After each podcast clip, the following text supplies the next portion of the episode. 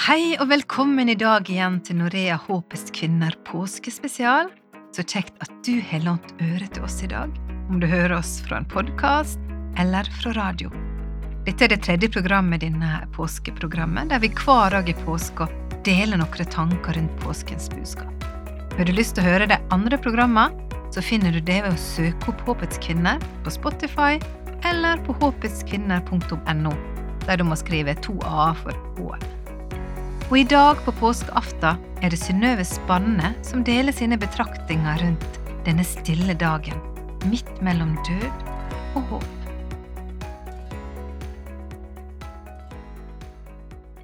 Vel møtt til andakt i dag på påskeaften.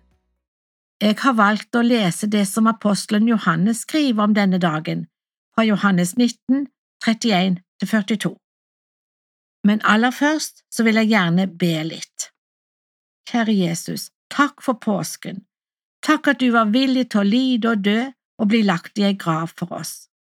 Takk at du forsonte oss med Gud og åpna veien til himmelen igjen. Må du velsigne denne andagsstunda for den enkelte av oss. Det første som slår meg når jeg leser denne teksten, er at Jesus er prøvd i alt slik som oss.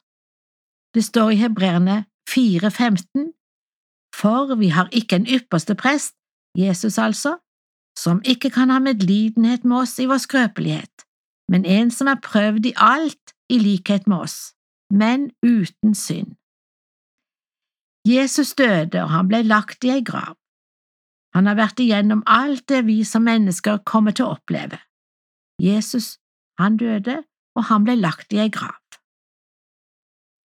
Det andre som slår meg, er at det som skjedde med Jesus, er forutsagt til punkt og prikke i Det gamle testamentet, og det er veldig trosstyrkende, synes jeg.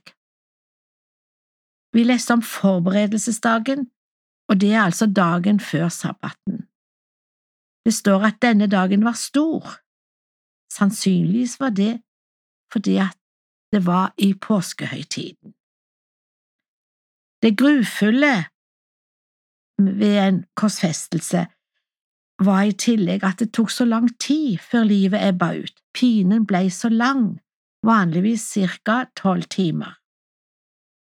Det ville føles skammelig om Jesus og de to røverne skulle bli hengende på sine kors over helga og aller mest hvis de var i live. Jødene ba da Pilatus om at beina måtte bli brutt og legemene bli tatt ned fra korset. Siden Jesus allerede var død, ble et spyd stukket inn i sida hans, og det kom straks ut blod og vann. Johannes, som har skrevet dette, var selv til stede, og han forsikrer at det var sant, det er sant. At ikke et bein skulle brytes på Jesus, er forutsagt i Andre Mosebok 1246, og at han skulle bli gjennomstunget av et spyd, står det om i Sakarias 1210. Dette er trosstyrkende for meg. Jeg kan stole på at det som står i Bibelen, er sant. I teksten hører vi om Josef fra Arimathea. Han var rik, respektert og satt i jødenes høyråd. Han var disippel av Jesus, men i hemmelighet av frykt for jødene, leste vi. I Lukas evangeliet leser vi i kapittel 23 vers 51 om denne Josef. Han hadde ikke gitt sin tilslutning til det de hadde planlagt og gjort i Det høye råd. Josef var fra den jødiske byen Arimathea, og han ventet på Guds rike.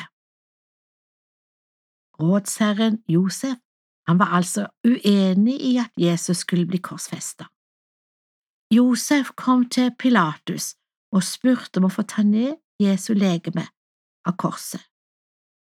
Kanskje han fikk lov til dette siden han var en høyt akta mann og en embetsmann som satt i Det høye råd. Nå hører vi òg om rådsherren Nikodemes. Sammen så tar de Jesus ned fra korset, salver legemet og svøper det inn i et linklede. Å salve en død var en slaves eller en kvinnes arbeid. Nikodemus hadde med en anselig mengde salve, 100 pund som tilsvarer 30 kilo. Salven var en blanding av myrra og aloe. Hva er det som har skjedd med Nikodemus, som en gang tidligere oppsøkte Jesus om natten, sannsynligvis for ikke å bli sett av de andre? Og Josef, som var en hemmelig disippel av Jesus av frykt for jødene? Noe radikalt må ha skjedd med disse to jødiske rådsherrene. Vi kan bare undre oss. De gravla også Jesus i ei helt ny grav hogd inn i fjellet. Matteus skriver om dette i kapittel 27, versene 57 og 60, at det var ei grav som Josef hadde gravd ut med tanke på seg sjøl. Dette er forutsagt i Bibelen.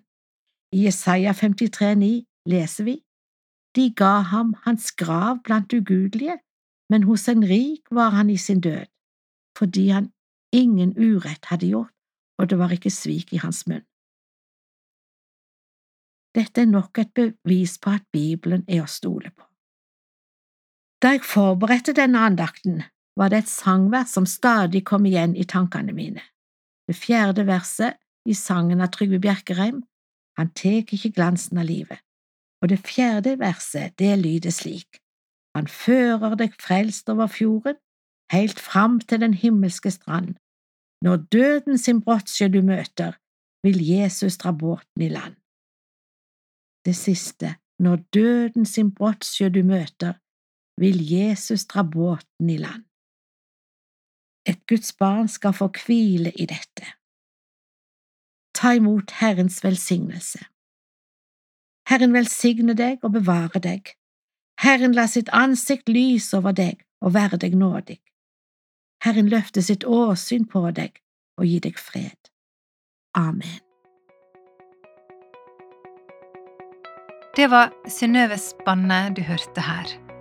Du lytter til Håpets kvinner fra Norea Mediemisjon. Du kan lese om vårt arbeid i Norea ved å gå inn på norea.no. La Kristi ord bo rikelig blant dere, står det i Bibelen. Guds ord er mat for sjela vår. Når vi fyller oss med ord fra Bibelen, gir vi Den hellige ande rom for å forandre oss, fylle oss med fred og kraft og lede oss i hverdagen. Men hva når dagen er så full og krevende at vi kanskje ikke kjenner oss tørste etter ord engang? Ja, da er det godt å få servert noen småretter rett inn i øret og hjertet. Og det er akkurat det vi i Norea Håpets kvinner ønsker å gi gjennom andaktserien Tapas for troen. Tapas for troen er små andakter med et bibelvers og korte betraktninger.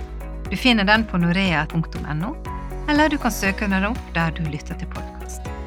Og så vil jeg også anbefale Facebook-gruppa Håpets kvinner, der du også finner nye andakter tre dager i veka. Takk for at du har vært med oss her i dag i Håpets kvinner fra Norea Medievisjon. For denne dagen som ligger mellom det mørke og oppstandelseshåpet. Opp gjennom tida har vi mennesker vendt oss til Gud i livets påskeaften, med håp om at Gud er en påskemorgen på lur. Vi som lever i oppstandelseskraften, veit at det er en påskemorgen som venter oss.